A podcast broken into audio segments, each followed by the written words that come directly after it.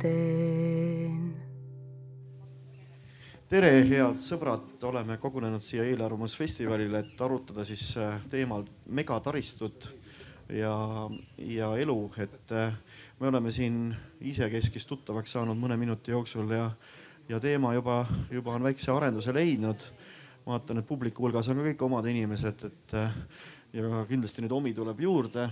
kui kõva häälega rääkida, et megataristut, tulge kuulama, megataristut. ja mina olen siis äh,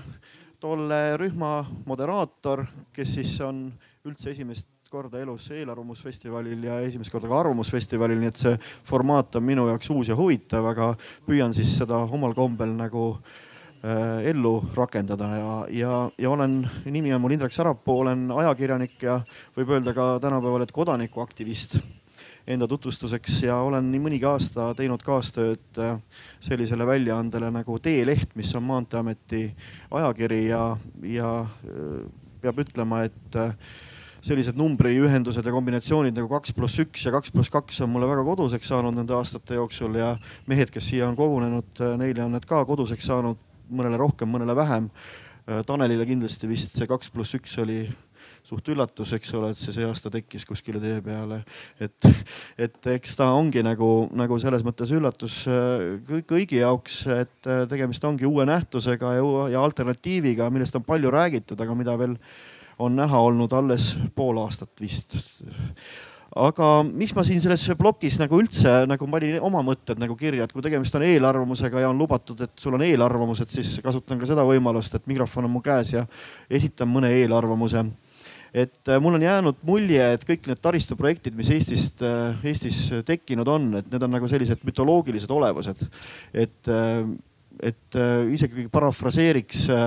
parafraseeriks ülemöödunud sajandi estofiile, kes ütlesid, et andke sellele rahvale eepos ja siis saab neist rahvast. et meil tänapäeval nagu piirdub, piisab sellest, et anname neile ühe jubedalt suure lahmaka mingisuguse taristuprojekti ja siis tekivadki vastandumised ja kired ja kõik sellised asjad, mis, mis, mis aitab meid koonduda näiteks mõne asja vastu või mõne asja poolt. teiseks nendest kaks pluss kaks teedest me juba rääkisime, nendest võimalustest, et äh, mul on jäänud mulje, et äh, lugedes äh, sellist autoriteeti või tekkivat autoriteeti nagu Hannes Luts äh, mõned ajad tagasi Postimehes, see vist oli kakskümmend kaheksa mai, kus ta nagu minu arust üsnagi veenvalt ja selgelt rääkis selleks, miks kaks pluss kaks teed ehk siis need neljarealised teed, mis uhaksid punktist A punkti B, jäävadki punkti A ja punkti B vahele. selles, selles tähenduses, et selle arvelt peaks nagu arendama või vähem arendama siis äh, neid teid, mis viiksid meid näiteks raudteeni. nii et äh, mina isiklikult, äh, kui rääkida mingitest eelistustest, mulle meeldiks auto pluss rong skeem nagu maaelanikuna rohkem. ja, ja need on sellised, äh, sellised teemad, mida me siinse seltskonnaga võib-olla saaksime nagu natukene avada. igaüks siis oma spetsialiteeti pidi ja ma arvan, et kuna publik on meil selline mõistev ja arusaadav, et siis tõenäoliselt igaüks saab ise paar sõna rääkida endast, kuigi ma, mul on ka paar sõna Äh, nende kohta öelda. meil on siis kohal siin Alo Kirsimäe, kes on äh, äh, hariduselt jurist ja on Maanteeametis praegusel hetkel tegelemas liiklusjärelevalve ja, ja, ja selliste küsimustega. siis on meil siin kohal Janar Taal, kes on tee-ehitaja, teeinsener siis on meil Tanel Talve, kellest juba oli juttu, kes on siis äh, riigikogu liige. Ja kui protokolli etiketti oleks pidanud jälgima, siis oleks pidanud vist sinust alustama, et, et kõige rahvaesindaja. Nii, ja siis on meil Sulev Valner, kes on aastaid tegelenud regionaalpoliitika küsimustega ja, ja omab äh, tugevat suhet vähemalt sellega, mis toimub meil siin maal ja, ja ilma teeta ei ole ju maad, ütleme niimoodi. ja siin ongi, et mikrofonid on siin laual, et, et võib-olla me ongi, alustamegi siin, siin hoopiski äh, Alo Kirsimäega, et äh, ühe soojaga kohe liikuma. töötab? nii, teen väikese paranduse, et. üks, üks vahemärkus veel, et võite ka sekkuda, kui on kellelgi annab käega märku, et tahab midagi vahele öelda, et siis kindlasti võib sekkuda, jah väikse paranduse, et äh, minu töömaa ei ole liiklus, mitte liiklusjärelevalve, aga on liiklusohutus. liiklusohutus, just, täpselt, vabandust nii, aga, aga teema ja mis mind seob Maanteeametiga, tegelikult on liiklusohutusprogramme ja selle tegevused aastal kaks tuhat kuusteist kuni kakskümmend viis. ja selle läbivaks suunaks on tegelikult, et see kõik need tegevused, mis kavandatakse, oleks meile vajalikud ja sotsiaalselt vastuvõetavad. võime planeerida megataristuid ja neid monumente, mida me näeme Mäos ja võib-olla ka Jõhvi külje all, aga kas meil kõigil on seda vaja? et need seisavad pooltühjana, liikluskoormust seal peal ei ole. Nad planeeriti väga headel aegadel, aga tänane pilt on see selline, et me püüame õppida oma eelnevatest vigadest ja mitte enam midagi sarnast rajada Eestimaale. et äh, see transport peab mis olema, et kui sa mainisid, võib-olla auto ja rong, laiendaksin seda, et see peaks olema mõistlikult korraldatud ühistransport ja siis isiklik liikumisvahend, on see jalgratas, mootorratas, auto või midagi muud aga autost me ei pääse, eks ole, selles mõttes, et, et ma ise tahan nagu öelda siin olles nagu öelda maaelanik ikkagi siin kõigega võrreldes, et, et ikkagi see, see väikese tee kaudu jõuda kuskile suurema transpordisõlmeni, et saada sealt juba ühiskondliku transpordiga edasi. kas see viimane miil või tegelikult on palju pikem, et ega maa, maal ilma isikliku transpordivahendita elu tõenäoliselt väga hästi korraldada ei ole võimalik, et see on on ja jääb väga pikkadeks aegadeks. Ka siis, kui meile peaksid jõudma kunagi kolmekümne pluss aasta, aasta pärast isejuhitavad sõidukid, jääb põhiliseks liikumisvahendiks jääb maal ikkagi sõiduvahend, mis on sinu enda oma aga see üks asi praegu, mis sa ütlesid, see vaale, see iseliikuvad autod, et kui ma tegin möödunud aasta tegin intervjuud ühe härrasmehega Maanteeametis, siis ta ütles, et see on nagu homse päeva küsimus, millal nad tulevad. kas nüüd on juba kolmkümmend, kolmekümne aasta pärast see liikunud, nihkunud nagu see arvamine edasi? põhimõtteliselt, kui meil täna on aasta kaks tuhat kaheksateist, siis meil täna on liikluse registris juba enamik kahekümne viienda aasta sõidukid juba olemas. me ei suuda seda sõidukiparki välja vahetada nende väheste autodega, mida me võib-olla mõne aasta pärast ja mis on ise juhtivad, näeme seal Toompea ümbruses ja Mere ja Laia ja Mere ja Pika tänava vahepeal. et see Eesti pilti absoluutselt ei mõjuta ja ise, isejuhtiv sõiduk ei muuda probleeme, sellepärast täna ei ole isejuhtival sõidukil maailmas ühtegi tüübikinnitust ja inimene on paraku väga-väga mitmetes aspektides parem juht kui isesõitev sõiduk täna ja meil ei ole lahendusi ja meil ei ole kindlust, et me suudame lähimatel aastatel, võib-olla isegi lähimal viiel aastal välja arendada sellist äh, intellekti ise, isejuhtivale sõidukile, kui on inimene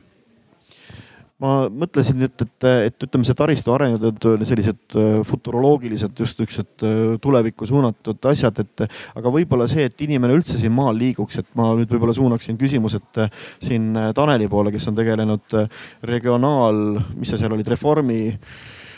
riigireformiga, eks ole, et, et ja selle e-majandusega kõigega, et, et kas, kuidas sulle tundub, et kas, kas,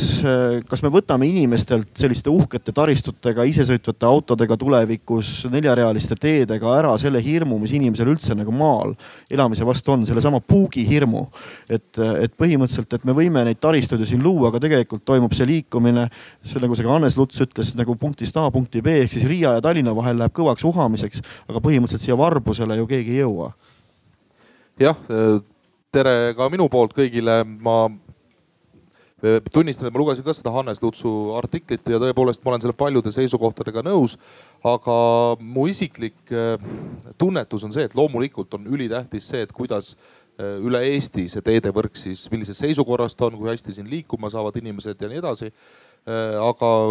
minu meelest, kui me räägime nüüd Eesti-sugusest üsna pisikesest riigist ei oleks ju midagi nüüd nii üleloomulikku, kui äh,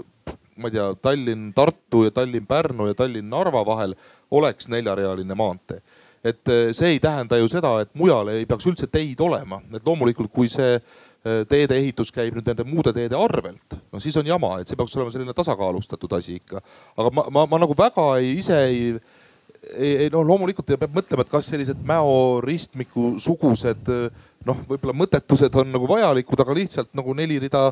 noh, kahe punkti vahel, kus inimesed saavad noh, sinna peale tulles kiiremini liikuda, ei ole ju paha mõte minu meelest. aga ma paar mõtet ütleksin veel ära, et üks asi on see, et kuidas mõelda pidevalt, et mismoodi neid teid juurde ehitada, nii-öelda asfaldit maha laotada. aga ma arvan, et paralleelselt peaksime me väga palju tegelema esiteks sellesamaga, mille, mida siin juba mainiti, ehk siis ühistranspordi teemaga ja sellega me täna ka riigikogu tasandil tegeleme, ehk siis püüame seda nutikat ühistransporti äh, käima saada ja et seda mõtteviisi ka inimeste seas natukese rohkem levitada. Äh, noh, et see kindlasti vähendaks, ma arvan, koormust loomulikult päris ilma isikliku autota, ma arvan, et noh, esiteks ei saa ja teiseks võib-olla ka noh, paljudele inimestele meeldib lihtsalt äh, sõita ka isikliku autoga, aga, aga mingit koormust ta vähendaks. aga teine asi, mis minu meelest on väga tähtis, et töö iseloom kui selline ajas on päris palju muutunud ja muutub lähiajal veelgi. ehk siis äh, me võib-olla ei peagi nii palju alati liikuma enam saama, et kui ennem oli vaja hirmsasti tööl käia kuskil, siis nüüd töö iseloomu muutudes äh, ei, ei ole vaja võib-olla enam nii palju liikuda, saad kaugtööd teha. aga nüüd selle kaugtööga seoses on maapiirkonnas üks pisikene probleem, et enamus seda kaugtööd saad sa teha üle interneti ja mida ju inimestel, äh, eriti maapiirkondades ei ole, ongi see internetiühendus ja vaata, see on ka nüüd see asi, mida ma seal Riigikogus üritan kogu aeg ajada, et see valguskaabel, mis, mille põhivõrk on üle Eesti juba ju ära pandud, et see jõuaks ka inimeste kodudesse ja ettevõtetesse välja, nii et kõik, kõik need asjad kokku, mina arvan, vajaksid korraga tähelepanu. ja, ja siis on nagu mõistlik, et me ei saa nagu nii öelda, et Tallinn-Tartut neljarealist ei ole vaja üldse et või ei tohi teha, et noh, see ei ole ju. ei, tal on kindlasti mingisugune oma sihukene positiivne moment kindlasti juures, aga lihtsalt mõistlikkuse printsiip. aga mina tahtsin nüüd tee-ehitaja, teeinseneri poole pöörduda, et, et olen hiljuti pidasin, tegin ühe intervjuu portreeloo Kuno Männiku nimelise autoriteetse teeinseneriga, kes ütles, et kui ta lõpetas omal ajal TIP-i või Tallinna Polütehnilise Instituudi pealkirja all tee-ehitajad, siis tee-ehitusega on ta oma elus kõige vähem tegelenud, et põhiliselt on tegelenud rekiga ehk siis teede rekonstrueerimisega, et, et ütleme ütlemegi, et, et noh, kas see tee-ehitus kui selline on siis niisugune rõõm, mida kõik Maanteeameti insenerid ja Maanteeametiga seotud firmad on nagu ootavad, et noh, nüüd poliitikud võtaks nüüd kätte ja ütleks, et tahame selle neljarealise ja nüüd hakkame vedama seda kruusa, et on see unistuste tipp? seal esmatervitus ka minu poolt äh, kindlasti mõnele insenerile võib see pakkuda nagu suurt väljakutset teha uut teed ehitada, aga see põhi, põhitegevus ikkagi täna Maanteeametil läheb ikkagi olemasoleva siis teedevõrgu siis käigus hoidmiseks, ohutumaks muutmiseks. et see on nagu põhirõhk, neid uusi asju, uusi taristuobjekte on käputäis täna ja, ja, ja see on väga väike osa Maanteeameti tööst, eks ju. et äh, ega meie enda eesmärk on ka ikkagi, esmane eesmärk on Maanteeametil see täna, see taristu, mis täna meil on, et see oleks sõidetav ja oleks mõistliku sõidutingimused tagatud ja tagada ka liiklusohutus, eks ju, et see on see, mis Alo teeb. samamoodi see on põhieesmärk on tagada ohutust, ohutud tingimused inimestele. aga see lugu, et äh, kui nüüd Maanteeametile tulebki need tellimused, siis need tulevad ju sellesama asja korrashoiu arvelt, sain ma nagu aru. Nad, nad osaliselt on tulnud täna äh, sellist mitte noh, otse, mitte otseselt korrashoiu, aga osaliselt osade tegevuste arvelt tõesti täna üritatud arendada ja see, ütleme, ei ole päris nagu õige, õige, õige lähenemine siis. et eriti veel on nagu täna kurb see, et me nagu just on oluliselt noh, nagu olulisel määral vähendatud just selliste maapiirkondades olulise, olulise tegevuseks on kruusadel katteehitus, eks ju. ja ka, ka, ka liiklusohutuse erinevate meetmete jaoks on raha maha vähendatud, eks ju. see, et teha suuri taristuobjekte nii Sulev, kui nüüd teed on kõik korras, kõik teed on korras, et äh, põhimõtteliselt sõida ise või juhib auto ise, et kas siis tuleb, tuleb see rahvas, Kungla rahvas tuleb maale tagasi või mis sa arvad? no ma arvan, et äh, tegelikult seda. kostab, kostab jah? kostab, et äh, noh, seda ideaalset unistuslikku olukorda, et kõik teed on ideaalses korras, ma kardan, et sellist olukorda vist maailma üheski riigis ei ole, ma ei tea, võib-olla mingis Bhutanis või kuskil mõni naftariik võib-olla suudab sellist no,. kõrb, kõrb katab, liiv katab võib-olla tee. aga et, et selles mõttes ikkagi me peame ju lõpuks rääkima ikkagi noh, reaalse, reaalsuses sellest, et meil on niisugune noh, meil on, meil on need võimalused, mis meil on ja, ja selle, selle piires tuleb nagu leida need, see mõistlik tasakaal, eks ole, et, et, et iseenesest noh, ma arvan, et regionaalpoliitiliselt eh, on üks kõige olulisem eh, asi, millest rääkida, noh, mis mis võib-olla isegi aitab nagu maapiirkondi rohkem kui, kui mis iganes sellised regionaaltoetused ja kuhugi millegi toetusprogrammide andmine on see, et tegelikult need aegruumilised vahemaad väheneksid et äh, piltlikult öeldes, eks ole, et kui sul on võimalik äh, mis on, mis on muide transpordi arengukavasse isegi unistusena nii-öelda sisse kirjutatud, aga tegelikult võib-olla päris Kagu-Eestis ei, ei kipu täituma, et ma olen lugenud sellist ilusat lauset, et, et igast Eesti maakonnakeskusest peaks saama ühistranspordiga Tallinna vähem kui kolme tunniga võib-olla nad teevad niimoodi, et jätavadki need maakonnakeskused järgi, millega saab praegu siin. no ilmselt noh, ütleme, et see on nagu jah, selles mõttes Eh, noh, täidetav vist peaaegu kõigis maakonnakeskustes peale Võru ja Valga praegu reaalselt. noh, Põlva ka tähendab, on nagu ütleme noh, sealt no Kuressaarest on lennuk, eks ole, selles mõttes Kuressaare, Hiiumaa, Saaremaa puhul on lennuk, mis seda päästab, muidu oleks muidugi, ma sõitsin hiljuti Kuressaarest Tartusse kuus tundi bussiga, on väga tuttav see, see võimalus, et äh, aga et, et igal juhul nagu see Eesti ju peaks olema üks ühine võrk et kui me, kui me nüüd te, võtaks sellise mudeli, et Eesti on nagu, nagu ütleme, üks linn, sest ega ta mõnes mõttes ju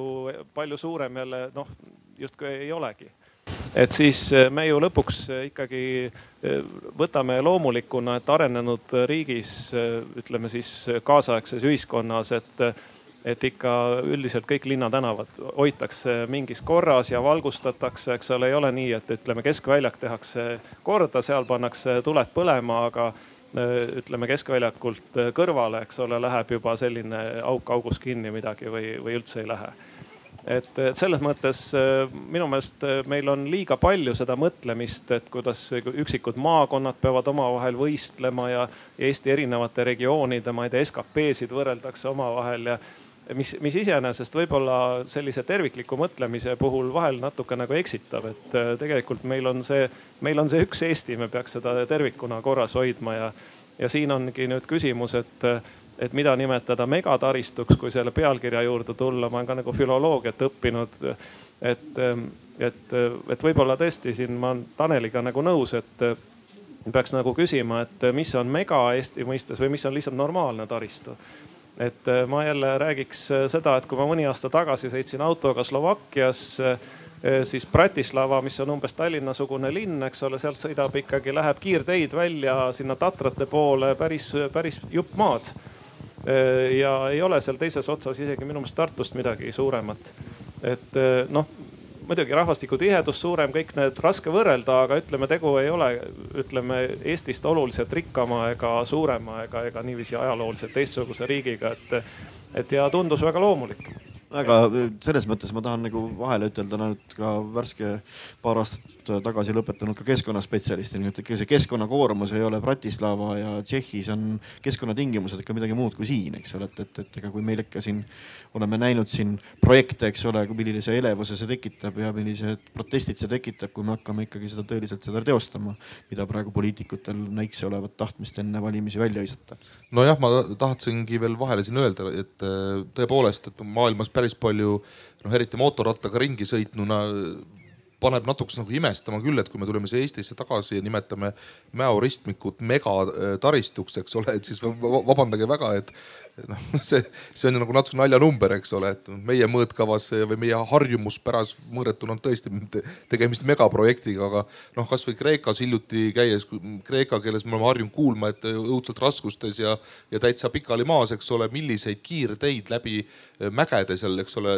ehitatakse ja, ja kui jumal mitmed tuhanded kilomeetrid. Ja siis nagu tundub küll, et vabandage, kas ma ei saa nüüd Tallinna-Tartu vahele kakssada kilomeetrit lauskmaale panna nüüd natukese seda asfalti teed siis maha, et saaks inimesed kiiremini liikuma, et, et eks selline natukese eemalt vaatamine võib-olla vahest tuleb kasuks ka, et siis me enam väga ei mõtle võib-olla sellises mõõtkavas, aga ma tahan seda ka veel öelda, et siin öeldi seda, eks ole, et see kõik tuleb ju millegi arvelt, et see on selge, et eks meil see riigieelarve on nii-öelda üks tükk, eks ole, ja eks seal sees saab prioriteetide kaupa natukese siia-sinna jagada, aga lõpuks on see ikkagi üks, üks tükk et kui sa hakkad ühest kohast teise tõstma, siis tuleb kellegi või millegi arvelt. et nüüd on küsimus selles, et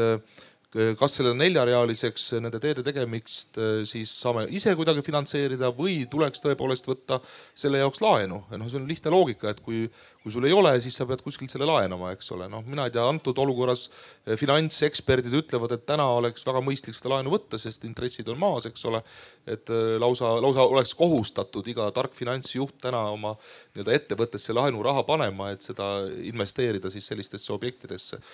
noh, ma ei oska öelda, kuidas teie arvate, eks ole, või mis mõtted teil on, aga võib-olla ei olegi paha idee. no maantum-, maantumine on ka selles mõttes vaeva näinud, et teha seda prognoosi, eks ju.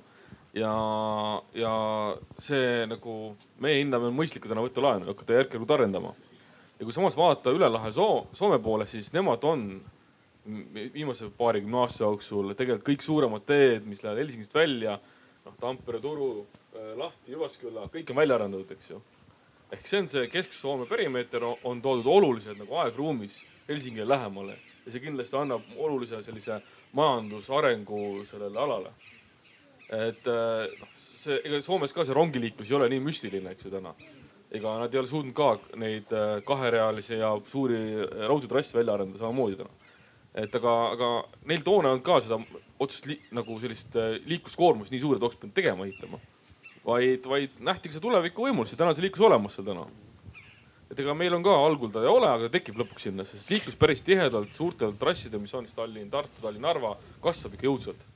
et ma mõtlengi, et, et hästi palju räägitakse erinevates, olen kokku puutunud ka sellise Soome võrdlusega ja siis räägitakse Soome proportsioonidega. aga mulle meeldib see Sulevi mõte, et, et kui vaadelda Eestit kui ühte linna, et, et me kindlasti ei saa Soomet vaadata kui Helsingit, eks ole, et, et, et Soome ja Helsingi on ikka täiesti kaks eri asja, eks ole, et, et aga Eestit kuidagi oma lauguse ja lauskmaa tõttu me saame nagu vaadata et äh, aga mis ma tahtsin sulle ütelda, siin oli see, et ma Orissaares koht-, oli see Orissaares kohtasin ühte meest, kes esimest korda nägi seda tammi remonti kuigi ta oli nelikümmend aastat vana, et, et, et noh, et, et tema jaoks oli see tõeliselt meganägemus. et, et suuremat nägemust nagu ei olnud. see oli, see oli remont. remont jah, et laiendust ja, ja, ja, ja, ja, et, et tema eluaja jooksul, et tema polnud seda näinud. no ma ei tea, mina olen ikka öelnud, et äh, Eesti maaelu päästab eit ja see heide all ma mõtlen siis kolme suurt äh, valdkonda, see on elekter, internet ja teed. ja noh, teede alla siis saab ka ühistranspordi tegelikult paigutada, et äh, ma arvan, et kui need kolm asja oleks ka maainimesel korralikult olemas, et siis, äh, siis juba võib-olla sõltub endast ka väga palju, eks ole, et kuidas sa oma elu sättida saad ja kui agar sa oled ja kui ettevõtlik sa oled, aga need kolm asja minu meelest võiks olla tal olemas, et olla võrdses seisus võib-olla suuremate linnade inimestega? ise maainimesena ma tunnen, et, et ma tegelikult noh, ma ei teagi, kes see, kes see maainimene tänapäeval on, et maal elavad väga, väga intelligentsed ja haritud inimesed, täpselt samamoodi. et nad on mingisugune, mingisugune erinevad, et, et umbes nii, et kui me toome talle, toome talle internetti, et siis ta enam lauta ei lähe, et siis ta hakkab tegelema teadusega, eks ole, et, et tegelikult see olukord on, et, et mis ongi, et need äh,, mul on jäänud ka kõrvu, et need sellised sotsiaalsed parameetrid on jäänud nagu väga uurimata, tegelikult on uurimata ka see, et mis tegelikult tegelikult tooks selle linnainimesega siiapoole elama, siia linna otsa nii-öelda, kui me räägime linnast, eks ole, et, et, et sellega minu arust on tegeletud väga vähe ja see on väga paljude just praegusel hetkel teravate probleemide puhul, äh, kus äh, maal suletakse teatud asju, eks ole, teatud osakondi mingitel struktuuridel, eks ole, toimivaid süsteeme, et, et see on tegelikult uurimata, mis tooks tegelikult inimese maale, et, et ma arvan, et see ei ole see, et, et kas siin on kinod ja kontserdisaalid, et see on midagi muud. no ma, ma tohib, ma mm. ikkagi korraks veel vahele ütlen, et seda tõepoolest ma ka ei tea sellist suurt uuringut või mingit väga teaduslikku lähenemist, aga noh, ma ütleks nii, et ma olen äh, väga palju mööda Eestit ringi sõitnud, tõesti, ma ei, ei, ei liialda ka, et ma sõidan väga palju mööda Eestit ringi. erinevate külaseltsidega kohtudes pidevalt, noh siis ei ole vaja liiga teadlane olla, et öelda, mis sellel inimesel siis vaja on, et tal ei oleks vaja ära kolida. ja üks nendest on see normaalne, ma isegi ei ütle mingisugune ultrakiire internetiühendus, vaid täitsa tavaline internetiühendus, mis on töökindel ja taskukohane mm. -hmm. et äh, need kui me räägime maaelust, eks ole, siis ma oma tuttavatele vahest noh, ikka propageerin seda, et kuule, et maal elama, et puhas õhk ja lapsed jooksevad muru peal ja kogu see jutt onju. ja siis ta kuulab ära, mõtleb, et jaa, aga ei minust seda loomapidajat saa noh. No, mõtlen, et kas see maaelu maine peab olema nii väga enam see loomapidamine, eks ole, mis on väga tore, et jumala eest, et seda looma tuleb ka pidada ja põllumajandusega tegeleda. aga töökohad põllumajanduses on ju pidevalt vähenenud, tootlikkus samas tõusnud, mis on noh, normaalne protsess iseenesest, aga nüüd ongi nii, et meil on voos Pauluse külast, kust mina tulen, üks perekond, noor perekond tuli sinna elama, eks ole, ja nüüd nad on natukese nagu raskustes seal, sellepärast et neil ei olegi seda normaalset internetiühendust. mõlemad on arhitektid mm -hmm. ja nende töö iseloom ei nõuaks tegelikult kogu aeg kuskil, ma ei tea, suurlinnas kontoris käimist, vaid saaksid edukalt elada seal, kus nad on ja teha tööd kaugtöö korras, aga kui sul netiühendust ei ole, noh siis ongi jama. ja selliseid inimesi, kes tahaksid niimoodi maale elama tulla, ma tean väga palju ja nad ei saa tulla, sellepärast et neil on mõned elementaarsed asjad puudu, sealhulgas ka teede teevõrk aga noh, ma ütlen veelkord, et minu meelest, kui me räägime megataristutest, et siis me ei tohiks jääda liiga kinni maanteesse või raudteesse või noh, sellisesse asja, et ka äh, internetivõrk üle Eesti on minu meelest megataristu, millesse tasuks investeerida äh, korralikult. siin ei, siin jäi kõlama linna mõiste ja kaks pluss kaks teed linnana räägiksin, et tegelikult kui mõelda linna, siis meist või Narvast sada viiskümmend kuus kilomeetrit Äh, Venemaa poole on põhjapoolse miljoni linn, see on Sankt-Peterburg. Äh, põhimõtteliselt sealt Eestisse on ajaliselt vähem maad, kui nad kulutavad hommikul tööle sõiduks. ja kui täna hakata planeerima,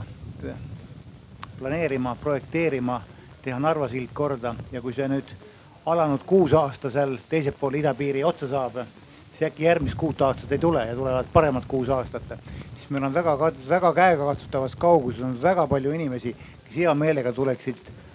siia kas nädala lõppu veetma puhkusele ja tooksid siia kaasa väga palju raha tegelikult. et kui arendada, siis kindlasti mõelda seda Narva suunda, mis viib välja, tagab meile tegelikult turistide voo mööda maismaad. ja teine teema oli kaks pluss kaks, et mille pärast räägitakse kaks pluss kahte, tegelikult ka mina räägin ohutusest, aga ohutuse saab sama hästi tagada ka kaks pluss ühega meil on vaja tegelikult keskpiiret, et me ei kalduks vastassuunavööndisse ja on vaja külgpiiret, et me ei kalduks teelt välja. aga kaks pluss üks ongi lahendus tegelikult, mis on möödasõiduvõimalusega üks pluss üks tee, mille vahel on piire ja täna on äh, kavad tehtud selliselt, et aastaks kaks tuhat kolmkümmend kaks, kaks tuhat kolmkümmend kolm on äh, Tallinn-Tartu, Tallinn-Pärnu kaetud peaaegu täies ulatuses kaks pluss üks lõikudega ja see kaks pluss kaks ei ole imevits, et ega me seal kiiremini sõita ei saa. kui me sõidame täna kas üheksakümnega või, või sajaga, me võidame kilomeetri kohta neli sekundit. et selle nelja sekundi või neljakümne sekundiga või selle kaheksakümne sekundiga, ega meil väga palju peale, peale hakata ei ole iseenesest, aga see teekond peab olema ohutu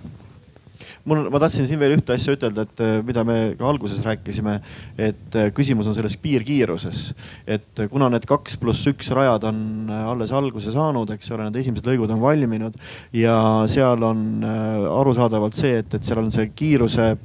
piirang on sesoonne, eks ole, et, et ütleme, et, et praegusel suvisel ajal saab seal sajaga mööda sõita, aga siis, kui tuleb meil see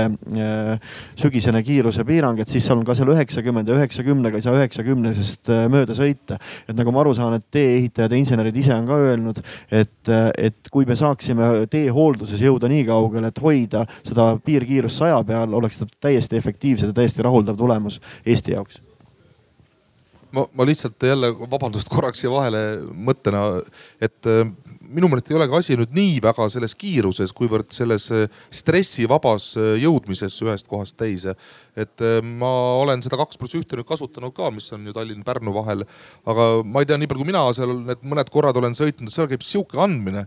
et see on midagi hullu, et minu meelest see on palju hullem olukord veel, kui seda ei oleks seal, et seal aga, kõik aga, üritavad siis nendest kolonnidest just selle koha peal selle lühikese lõigu jooksul ju mööda saada. pärast on see võimatu. aga mis toimub kaks pluss kahega, kas mina nagu vaadates nagu Eesti temperamenti, eriti vist Maanteeametis ka räägitakse Põhja-Eesti liikluskultuurist ja Lõuna-Eesti liikluskultuurist, mis on nagu öö ja päev, eks ole. et kuidas Narvas kihutab sinust mööda ja siis selle potsiku ees vajutab nagu täiega pidurit ja vajub sealt läbi ja siis vajutab jälle edasi, et, et noh, et, et ütleme, et mina ei taha kujutada kujutada ette, mis kaks pluss kahega Eestis toimuma hakkab. ma arvan, et see on veel riskantsem ja ma arvan, et kaks pluss kaks ei vabasta meid äh, liiklusohutusega tegelemisest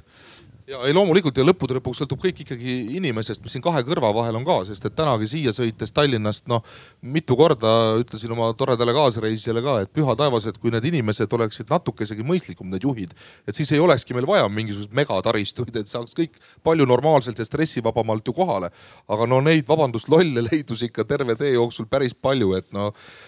lõpuks jah, mõtlesin, et ja, ja tegelikult väga hästi aitab selles, et kui inimesed oma aja, aega planeeriksid paremini ja ei jätaks asju viimasele minutile ja jõuaksid siis ka palju rahulikumalt kohale. ja see liiklusolukord oleks meil nendel suurtel teedel ka väiksem, aga noh, ikkagi ma arvan, et kaks pluss kaks tee suuremate linnade vahel Eestis ei ole võimatu aga see ei ole ka aga miks see niimoodi mantraks on saanud, oskad sa mulle öelda, et praegu kõik nagu kõik räägivad sellest kaks pluss kaks ja me teeme ära ja kõik siukene värk, et see on ikkagi kääle püüdmise teema või? No mina ei tea nagu, mida see, sellest ikka tuleb rääkida, mida sul ei ole, eks noh, et kui sul ei ole internetiühendust seal maakohas, no ikka pead ju rääkima sellest, kuidas sa seda muidu siis ikka saad, eks ole, noh aga muidugi rääkimisest üksi ei piisa, et tuleks hakata konkreetseid samme ette võtma, et seda kaks pluss kahte on ju räägitud, jumal, ma ei tea, kui palju aega juba ju, et ja iga kord ikka enne valimisi hakatakse ikka rohkem rääkima ja pärast me oleme ikka ilma internetita, eks. minu arust peaks lähenema nii nagu Põhjamaad täna teevad, eks ju nii, nii Soo-, nii, nii Taani kui Rootsi. Et äh, seal on ikka see põhimõte, et äh, parlament teeb äh, suurtaristu ehitusobjektide otsuseid. võetakse otsus vastu ja asi hakkab siis oma rada pidi käima. selleks on tehtud mingil määral väiksed eeltööd, on võib-olla mingeid eskiise, planeeringuid tehtud, aga reaalne projekteerimine, maade omandamine, ehitus läheb siis lahti, kui on parlament otsuse teinud et siis ta ei ole nagu sellist nii tõmbetuultes seal vahepeal valimistel, eks ju, tehakse otsus ära, et jah, see võiks ette hakkas välja arvama, näiteks Tallinna-Narvat hakkame arendama, eks ju. Ja siis see projekt on meeletult pikaajaline, sa, sa ehitad seda kümme kuni võib-olla viisteist aastat, eks ju, see ei ole niimoodi, et meil ei ole Eestis nii suurt võimekust ehitada ja teine asi, ka ehitusturu peal ei tohi teha niimoodi selliseid nagu hüppeid, lained, et äkki nüüd hakkame suure hooga ehitama, paneme hästi palju raha sisse, siis noh, ei ole inimesi, ei ole ressursse täna, lõpuks tulevad need poolakad, hiinakad siia ehita-, hiina, hiinlasi ehitama siia, eks ju. see pole ka mõistlik, eks ju täna ja see ei taha grammi kvaliteeti veel lõpptulemust. et ta, ta eeldab sellist nagu pikka otsust ja pikka visiooni nägemist äh, parlamendi poolt ka. Oota, aga ma ei tea, mina võib-olla nüüd äh, ei ole nii asjas sees, aga minu nagu mälu on küll ka selline, et, et seda, seda, et Tallinn-Tartu maantee nagu välja ehitada, eks ole, et sellest no ma ütleks, et see on ikka sihuke umbes sama vana jutt kui haldusreformi tegemine, eks ole, et tubli kakskümmend aastat. et ma, ma mäletan, et sai siis, kui Andrus Ansip sai kunagi peaministriks, siis, siis mina tõsimeeli mõtlesin, et kuna tartlane sai nüüd peaministriks, et ta teeb selle Tallinn-Tartu maantee nüüd noh, mõnede lähimate aastate jooksul noh ütleme olulises osas ära, aga. aga ta on ju tehtud. imelikul kombel just nimelt eh, minu meelest on sellest kakskümmend aastat räägitud ja hirmus vähe tehtud tegelikult, et noh, see, see teosammul liikumine, eks ole, on eh, noh, pigem, pigem on nagu mina, mina tegelikult ei saa aru, et, et, et kas selles osas on tõesti veel vaja mingit uut otsust. ma, ma ei, ma ei tea, minu meelest see selline. ei, mõttes, et nagu... täna on see, et, et iga valitsus mood- äh,, valitsusel pole suurt äh, pikemaid kavasid teha kui neli aastat ette. nelja aastaga ei saa arendada ühtegi taristuobjekti, suurtaristuobjekti. miinimumperiood on selline kaheksa aastat et see eeldaks ikkagi sihukest äh, riigireformi, ütleme siis. ta eeldab riigikogu otsusest, valitsus ei saa võtta pikemaid kohustusi, kui ju, äh, kui on eelarvestrateegia ju. nii et, et noh, see hakkab sealt pihta, riigikogu saab võtta pikemaid äh, plaane ja seda Põhjamaad teevad edukalt täna. ma olen siin tuhat protsenti nõus selle koha pealt, et me peaksime riigina palju rohkem pikemalt ette mõtlema. et see tõesti, see eelarvest eelarvesse mõtlemine ei vii ju mitte kuhugi, eriti selliste noh, selliste teemade puhul. aga no mida sa teed, eks ole, sest et ega lõpuks on ju asi jällegi ikkagi rahas, eks ole, noh et kus sa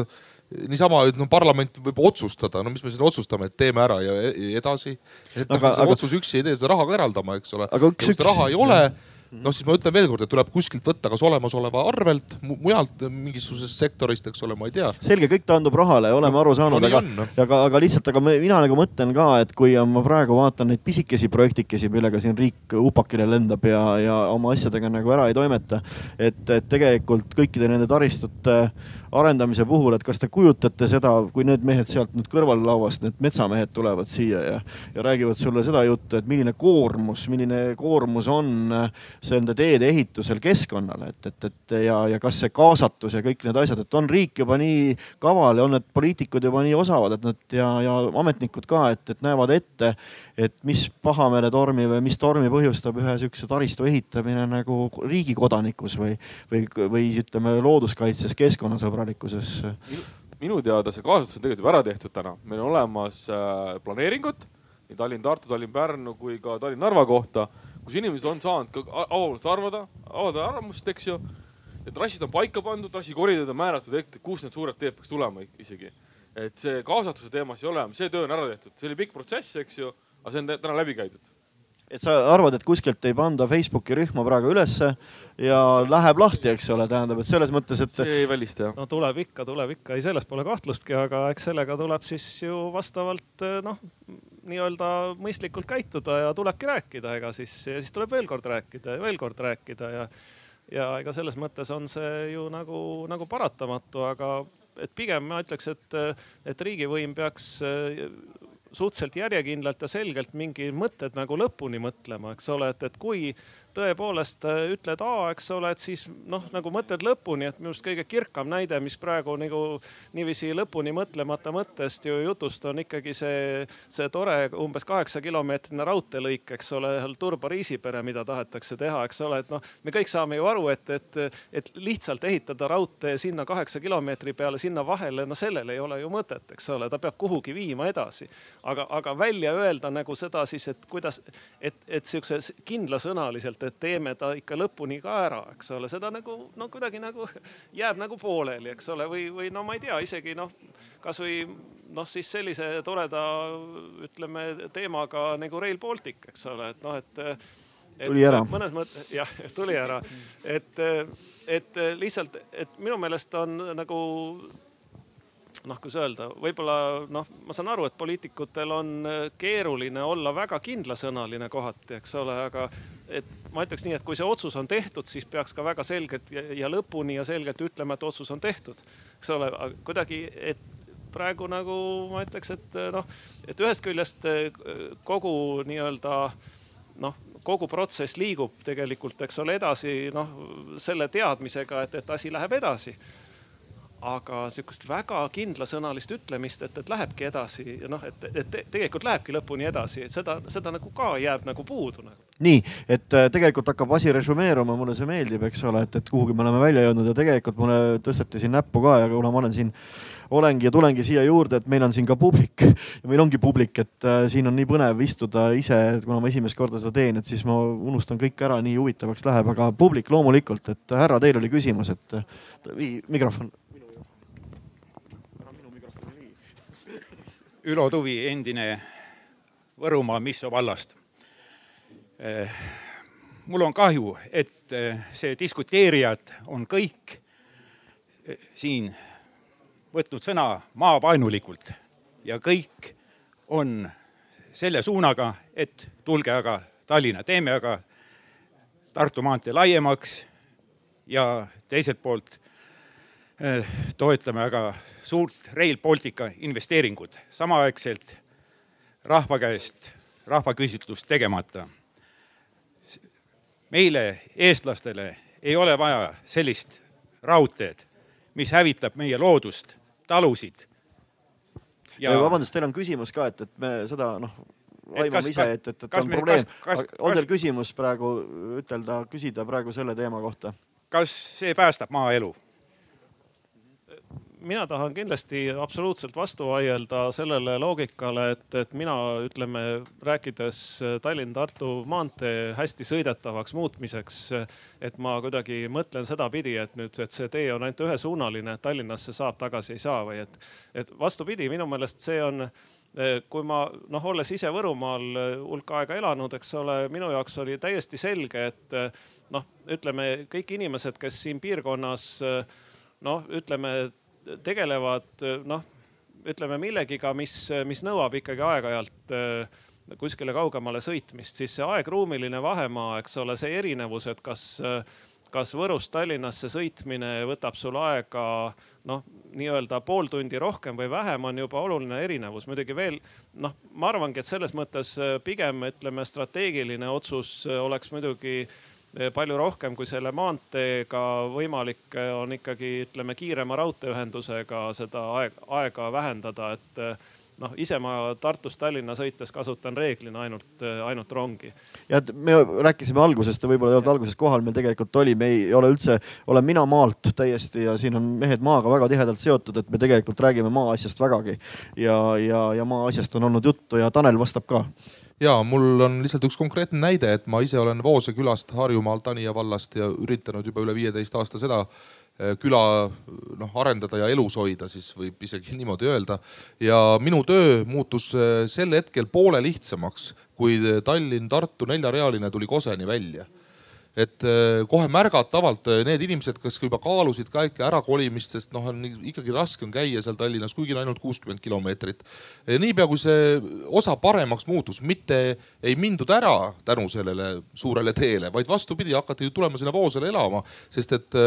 noh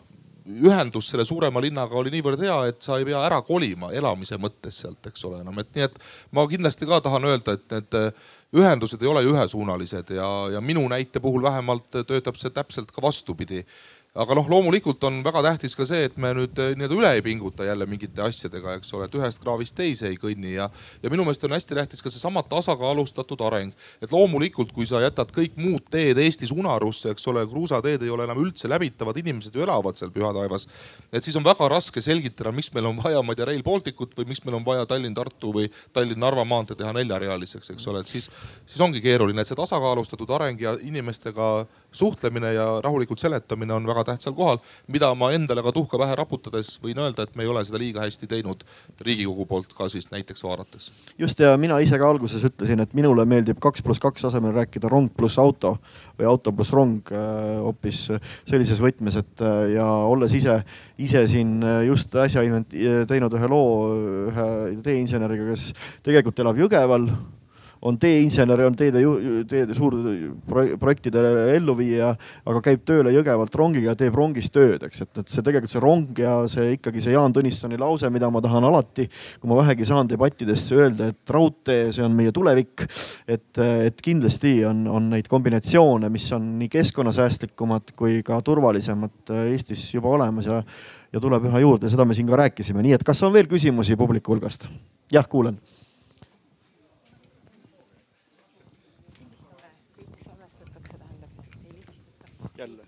tervist, Rain Epler, mina, maainimene. minu küsimus on äh, võib-olla kõige rohkem siin äkki Janar Taalile, et äh, ja küsimusi on kaks, üks on küsimus kvaliteedist, et äh, kui ma sõidan nüüd Tallinnas, siis ma näen, et tehakse ühte kahe või kolmekümne kilomeetrist jälle neljarealise juppi juurde, rõõmustan ette, et varsti saab kiiremini sõita. siis ta ühel hetkel saab valmis ja saabki kaks aastat kiiremini sõita, aga tihtilugu ainult seda juppi, sest toda järgmist juppi mis kaks aastat tagasi valmis sai, juba remonditakse ja seal on noh, üks rida maha võetud. ja Eestis käib sellega alati kaasas see noh, müstilise ilma ja, ja ma ei tea, et soine pinnas ja kõik see jutt, et eh, küsimus üks on siis, kas ja mida Maanteeamet teeb, et eh, need tee-ehitajad oma asja korralikult teeks või, või oleks projektid korralikud. ja teine küsimus on eh, natuke teisel teemal, et Eestis on teedeehituses näha seda, mis ka igal pool mujal muidugi vohab, on see, et bürokraat tahab inimesele öelda nii-öelda, kuidas ta elama peab, et kui ma tulen Tallinna poolt Tartusse sisse ja seal umbes natuke enne Viljandi ringi mul tuleb midagi meelde, et ma pean tagasi pöörama, siis ametnik on otsustanud, et tagasipöörde saab teha seal peale Lõunakeskust ringil. sest see Viljandi ring on betoonplokkidega vahepealt kuidagi niimoodi ära tehtud, et noh, ametnik on kontoris mõelnud, vot sealt kurat ära tagasi keera. et ku, noh, kust sellised asjad ja ma siia eh, selle nagu tarkade otsuste juurde lisan veel selle, kui Põltsamaa juurde tehakse sirge lõigu peale möödasõiduala, millega pannakse vastassuuna möödasõit kinni. et kui minna nüüd siin Slovakkiast oli juttu, ma hiljaaegu tulin Rumeeniast autoga läbi väga uhkeid kiirteid ja seal noh, peaaegu Austriani välja siis Eestisse. et mägistes maades tehakse möödasõidualad vastu mäge ja noh, ütleme kergelt kurvilises kohas, et kellel siis on, ütleme auto ja kiirem võimalus sõita ja nii edasi, et ta saabki seal rekkatest mööda. aga kes niikuinii üheksakümnega tiksub, et ta ei saa siis sada sisse vajutada, et teisest tast selle noh, sirge peal ka mööda ei saa, et et ühesõnaga esimene küsimus kvaliteedist ja teine, et noh, jah, selge. et kuidas neid asju nagu välja mõeldakse. kas siin on mingi, keegi, mul on, ma noppisin ühe asja välja, need on need turboringid, eks ole, kas siin ei ole tegemist siukse kommunikatsioonipläkiga üldse, et, et ei ole seda turboringi nagu seda asja nagu korralikult ära seletatud, et, et miks see, miks see ohutu on? me oleme seletanud oma arust seda turboringi päris pikalt, eks ju, ja ma tahaks alg-, alustaks sealt, et kõik taga äh,, Viljandi ringil on kõik tagasipöördevõimalikud, eks ju täna äh, ma olen nõus, täna see tähistus ei ole keeruline, ei ole, ei ole mitte keeruline, vaid ei ole lihtne. Äh, ja me üritame seda tähistust ka seda arendada edasi veel, ka meil omas majas on päris keeruline neid teemasid arendada, et meil on erinevad inimesed ja kes midagi arvavad, eks ju. ja see tuleb sealt, eks ju. aga ohutus ongi see, mida siin Alo ütles ka, et äh, miks arendatakse kaks pluss üks lõike, keskpiirdega lõike on see, et, äh, et ei kalduks inimesed vastassuunavööndisse ja ei tehtaks keelatud pöördeid. ega sealt on see, see puhas teema ja miks on need kaks pluss üks lõigud ka tehtud sellisena, on see, et eh, eesmärk oli see, et kui sa jõuad sinna lõigule, sa kohe saad teha möödasõitu, mitte vastupidi, et sa sõidad ära, see eh, noh, see loogika oli sealt, et sa jõuad lõigule ja siis sa saad kohe möödasõidu ära ja siis lõppu tõesti teises otsas sa pead äh, mitte, ei saa võimalust, eks ju äh,. sa ei saa siis nagu siis kolm, kaks kilti mööda sõita.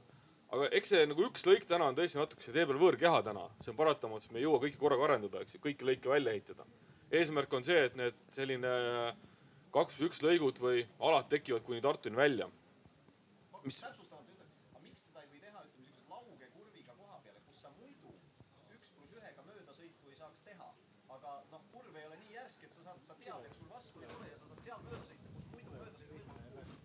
see on, eks see on esimene pääsuke, sa pead ju kuskilt maalt ju pihta hakkama, eks ju täna. eesmärk oli see, et me ei tee eritasandil ristmikke, esimene nagu oli see teema ja teine, me ei tahtnud äh, minimaalselt inimestel teha teekonna pikkusi suurendada, eks ju täna. me seadsime eesmärgi, et, et selline kolm kuni neli kilomeetrit võiks teekonna pikkust, kes kõrval elavad, võiks nende igapäevaelu pikkust suurendada, käigu pikkused, eks sealt tulid valikud, eks ju täna Äh, teised lõigud me üritame rohkem kogu aeg teid täna teha ja, ja rohkem pidevana teha need. aga ikka nad vahelduvad, eks ju. mis puudutab kvaliteeti, siis tegelikult Maanteeamet hästi palju siis pingutab selles suunas, et, äh, et meie juhendmaterjalide põhimõtted ja, ja, ja sealt läbi need areneksid täna. me oleme seal päris viimase aastaga päris pika sammu teinud, kahjuks need ei avaldu liikluses. Need ei ole väga nähtavad veel, eks ju aga me oleme jõudnud sinnamaani, et meie katted peaks olema kulumiskindlamad, vastupidavad, mis, mis täna tehakse võrreldes sellega, mis oli kolm miljonit tagasi. me oleme seal päris palju nagu pingutatud selles suunas. Me üritame leida ka selliseid optimaalseid lahendusi rahaliselt, eks ju, ka kruusateele katete ehituses, et äh, mõistliku rahaga saada sinna kate peale. et, äh, et alati võib ju teha ka kullaseid teid sinna täna ja kulutada sinna pool, pool miljonit eurot kilomeetri peale panna seda raha aga kas see nagu mõistlik on, järelikult, sest raha lõpuks on ikka piiratud ressurss ja, ja, ja pead selle rahasumma sees midagi valima, eks ju, kus sa teed. aga tegelikult me enda arvates küll väga palju pingutame, et asjad läheks kvaliteetsemaks, oluliselt. kas on nii te tegelikult, jah, et kas ei ole nii, et ma olen ise ühe liiklusohutuse mehega Viljandist ka teinud ühe loo ja, ja ta ütles, et tegelikult see liiklusohutus ja need kõik see märgid, need kulinad ja vilinad on see, kuskohast hoitakse tegelikult kokku, et kui hangeteks läheb, et siis hakatakse sealt maha tõmbama või on see siukene. ütleme see võib-olla oli teemaks kolm-neli aastat, viis aastat tagasi, täna mitte. Et ega selle arvelt kokku keegi ei hoia? täna enam sealt kokku ei hoita, on juba saadud aru, et mingi, mingi miinimumtase on selline, kus nagu allapoole ei saa minna, eks ju täna. et, äh, et aga noh, selline hästi mõistlik, peab ka mõistlikult seda raha kasutama, sest et noh, kui sul sinna, siin lõunas on teema kruusaga katte, katteehitus, et, et see summa on sul ees no,. et kui sa teed kallimalt, siis teed järelikult vähem kilomeetrit, keegi su raha rohkem juurde ei anna, eks ju mm. -hmm nii, ma usun, et neid küsimusi vist on küll, kuidas meil ajaga on, lavamänedžer? On veel aega, selge, et, et tegelikult on, on meil siit küsimus, jah, väga hea. Ma tuleksin tagasi selle eelmise teema juurde, kus oli meil juttu sellest, et kui me megataristuid teeme, siis peab äh, lõpuni läbi mõtlema. tahaks väga toetada seda mõtet, et need mõtted tuleb lõpuni läbi mõelda. Ja kui otsus on tehtud, siis on tõesti see, et, et kas mineme edasi või, või mis me siis teeme, et sellised eh, ebamäärased olekud ei ole tõepoolest ju head. aga teinekord juhtub ka selline olukord, et otsus on tehtud, aga pärast selguvad asjaolud, et see esimene otsus ei olnud tark otsus ja minu arvates on üks oluline koht, milles, milles ka avalduvad praegu need ühiskondlikud probleemid, on just selles, et, et valitsejad arvavad, et nende usaldus tekib sellest, kui nad on ühe korra otsuse teinud, et siis nad jäävad alati oma otsuseni kindlaks, ükskõik mis juhtub. ja ühiskond jällegi ootab seda, et, et kui on tehtud vale otsus, et siis ollakse valmis tunnistama, et jah, me eksisime selle otsusega, vaatame, mis nüüd tuleb teha selleks, et, et seda olukorda muuta et eh, ühiskondlikud eh, vastuseisud ei teki tühja koha pealt, vaid nendel on põhjus. Ja põhjus on just nimelt selles, et ei ole usaldust eh, valitsuste vastu. Ja sellist usaldust ei saa nõuda valitsus. Usaldust tuleb ära teenida sellega, et inimesed näevad, et valitsus, kui ta näeb mingeid vigu, siis ta teeb ka selle korrektuuri selle osas, et no selles mõttes ma küsiksin, kas te olete nõus sellise väitega või mitte? et ühesõnaga, et, et Keskerakond oleks võinud taganeda oma sellest äh, ühistranspordi tasuta tegemise projektist, saime aru, oli see näide tegelikult. see võiks ka näide olla, ma ja. ilmselt võiksin Rail Balticu kohta rohkem näiteid tuua, aga see pole siin vist põhiteema hetkel. ei, see ei ole hetkel põhiteema, nii et mis me siis arvame sellest, kellel on arvamus? poliitik. ei no mis mul muud üle jääb jah pean arvama. ei no mis, mis, mis, mis, mis ma saan nagu sellele vastu vaielda, loomulikult ega iga tark inimene ju noh, ei lähe silmaklapid peas ma ei tea, noh, ega see otsus ei pruukinud võib-olla olla ju vale tollel hetkel, kui see tehti, eks ole, aga noh, asjad muutuvad elus ja, ja, ja siis oleks tark nagu neid otsuseid ümber vaadata ja ma tegelikult äh, arvan, et ei ole me nüüd seal Riigikogus ka nüüd nii silmaklappidega midagi, et küllap me neid otsuseid ka ümber vaatame ja on ka vaadatud. aga teate, ma isiklikust kogemusest võin öelda, ma olen selline hästi roheline poliitik ju tegelikult, ma polegi mingi poliitik, ma pean ennast jätkuvalt Voose külameheks tegelikult, kes üritab maa arengule kuidagi oma panust anda, aga äh, ma olen tähele pannud seda, et uh, meie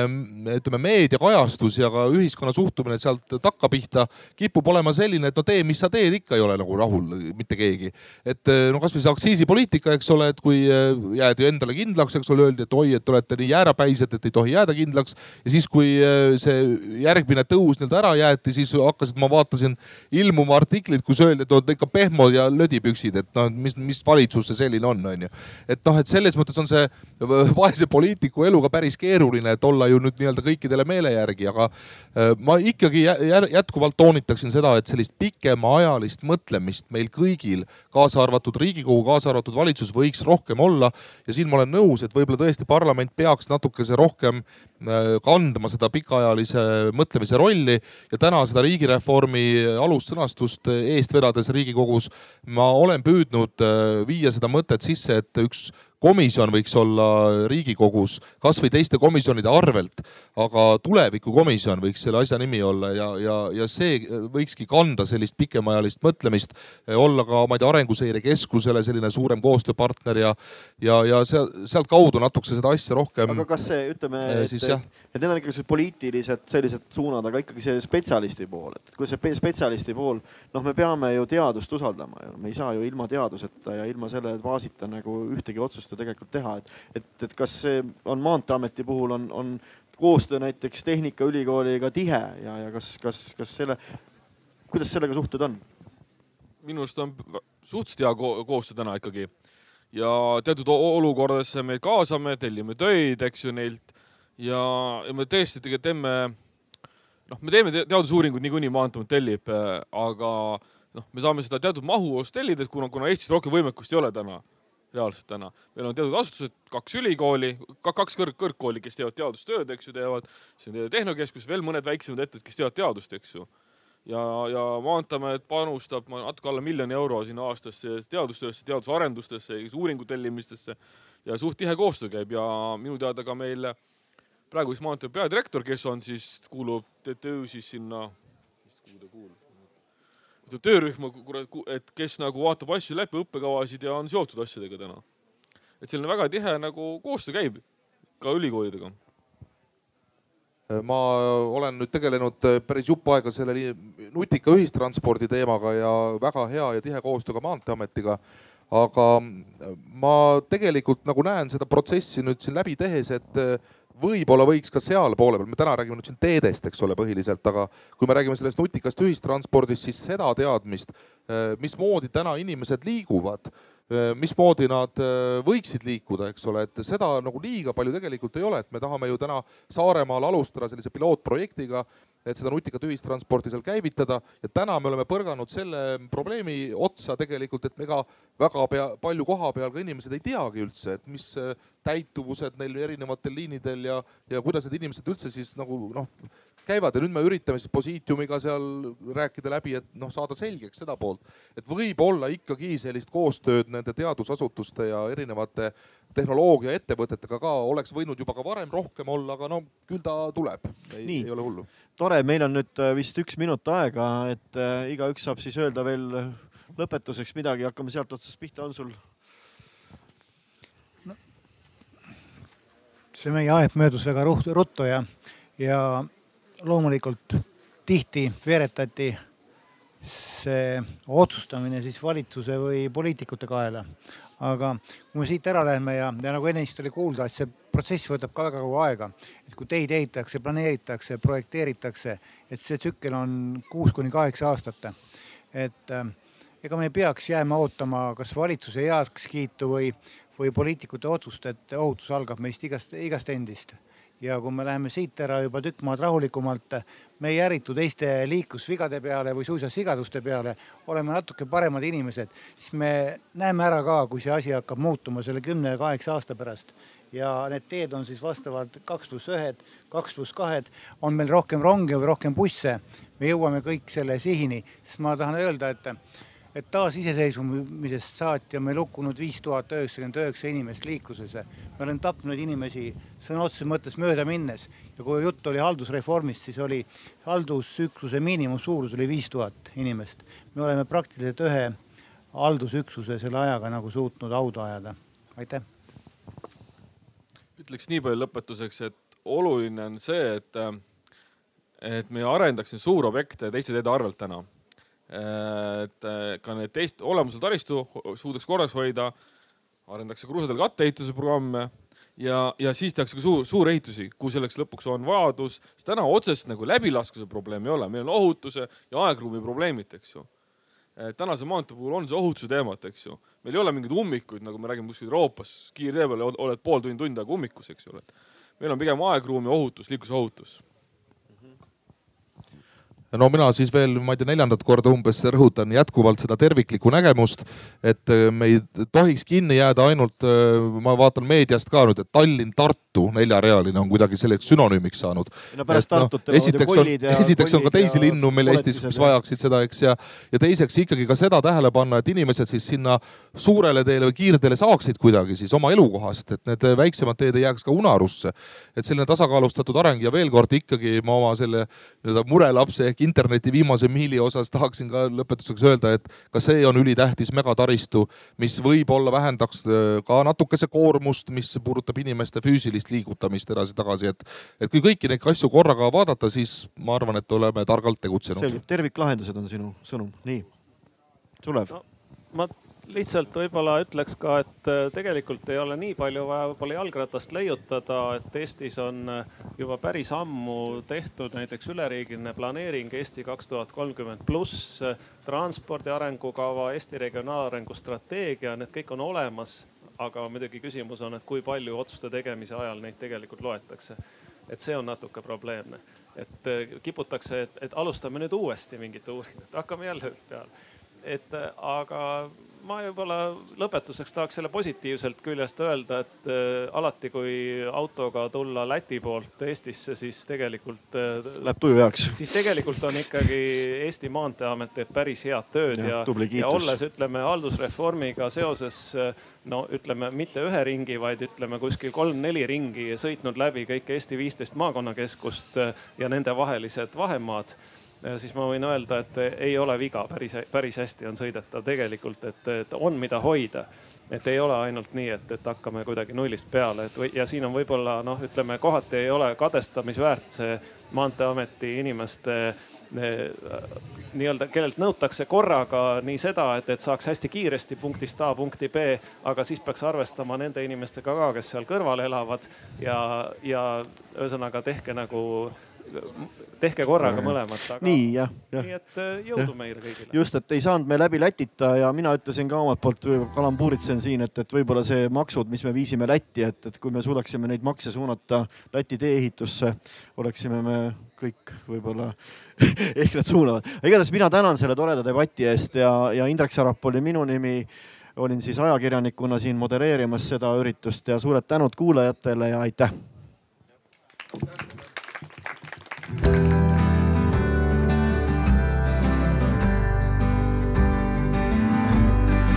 Kuradi kott silmaele ja külma ta kõrda vilti